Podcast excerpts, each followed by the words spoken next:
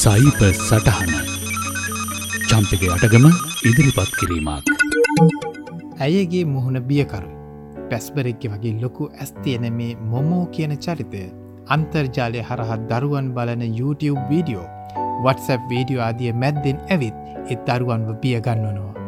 එ දරුවන්ට බල කරනවා තමන්ටම හානි කරගන්න. සමහර දරුවන් සියදිවි පවන් නැති කරගෙන තියෙනවා.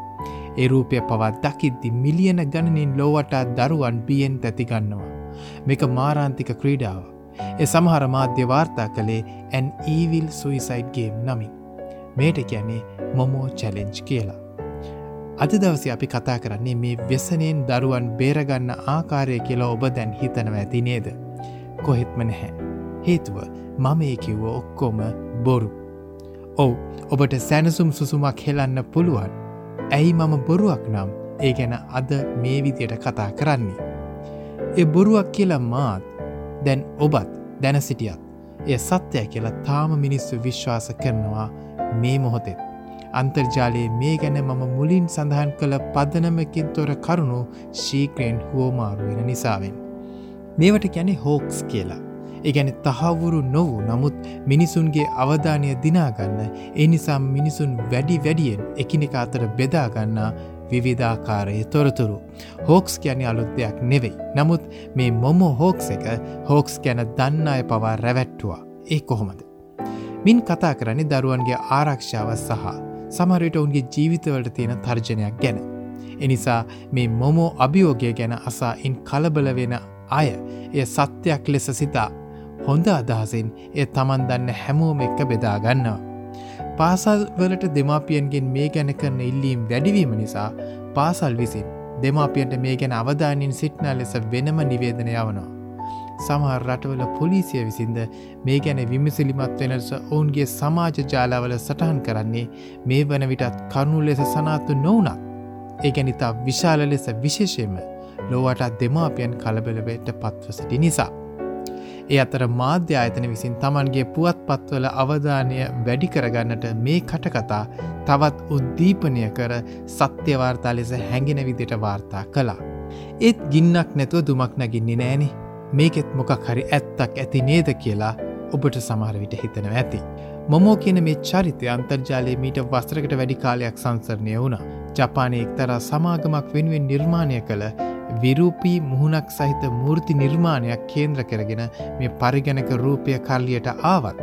ඒ කිසිම පරිගණක ක්‍රීඩාවකට සම්බන්ධයක් තිබුණේ නැහැ. එම මුහුණ ඇති බියකරු බව නිසාම මෙම හෝක්සේ නිර්මාණය කලාය මෙම චරිතයමයට සම්බන්ධ කරගන්න ඇති. ඔය අතරේ ආජෙන්ටිනාවේ බුවනෝ අයස් නගරේ තරුණ දැරියක් සියදී විනසා ගත්තා. ඇ තමන්ගේ දිවි තොර කරගන්න ආකාරය වීඩියෝ ගත කර තිබුණා. පසුව වාර්තාවනේ අන්තර්ජාලය හලා ඇයව ඒ සඳහා පොළඹවා ඇති වගට සැක කරන බවත්. ඊට වගකිවේ යුතු පාර්ශව අත්තරංගොටගත් බවත්. මේ කිසිම ලෙසකින් මොමෝ චරිතය හරහත් දරුවන්ට සොයං හානි කරගන්නට බල කරන චැලෙන්ජ එකක් නොවනත්. පදනම් විරහිතව එවැන්නක් අන්තර්ජාලය හරහා නිර්මාණය වෙන්නට වුණා. ඉතා මෑතක මේ කටකතාව නිසා ඉතා කම්පනයට පත් වූ තම පුතා ගැනෙක් මවක් ඉතා සංවයගෙන් ෆේස්බුක් සමූහයක සංවේදී සටහනක් එක් කරමින් ඉල්ලා සිටියේ මෙවැනි අනතුරක් දරුවන් වෙනුවෙන් තිබෙන බවට ඉගි කරමින් ඉන් දරුවන් මුදවාගන්නා ලෙස ඉල්ලමින්. ඒ ලෝවට ව්‍යාප්ත වන්නට ගිය දින කිහිපයයි. YouTube වැනි තාක්ෂණික සමාගම් මුල සිටම මෙවන්නක් ඇති වගට තොරතුරු නැතැයි කියද්දිත් මාධ්‍ය එමගින්නට පිදුරු දැම්මේ සත්‍යය මතුවන්නට තින ඉඩ අහුරමින්. මෙවැනි හෝක්සල තියෙන භයානක්කම තමයි. අනවශ්‍ය ප්‍රචාරයක් අසත්‍ය දෙකකට ලැබීමත් එයරා වක්‍ර ආකාරයෙන් එම හානිය දෙගුණ තෙගුණ වීම. උදාහරණයක් විදියට මෙම චරිතය නිසා අනවශ්‍ය ලෙස දරුවන් දැනටමත් බියට පත්වෙන්නේ ඒ ගැන වාර්තා කරන මාධ්‍ය සහ වෙබ්බඩ විහරහා එම රූපය නැවත නැවත දරුවන්නට පෙනෙන්නට සැලැස්වීමෙන්. මේ කෙතරම් මට්ටමකට පැමිණ ඇද්දෑ කිවහොත් එම රූපයට මුල් වූ මූර්ති නිර්මාණය මීට දින තුනකට කලින් එම මූර්ති ශිල්පියා විසින්ම විනාශ කරා. ඔහු පැවසුවේ දරුවන් තවදුරට බියට පත් නැවමිට ඔහු එසේ කළ බවයි.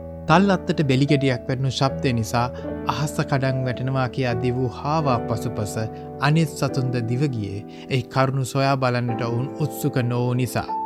නමුත් තොරතුරු තාක්ෂණය උසස් මේ යුගේ එසේ කලබල වී තීන්දු ගැනීමට අවැස්සි නොවේ. විමසිලිමත්වීමට ඕනවටත් වඩා උවදුරු ඇති සයිබලෝකයේ අපට බොරුවට කලබල නොවී හෝක්සොලට හසු නොවන්නට විමසිලිමත් විය යුත්තේ එහෙනි.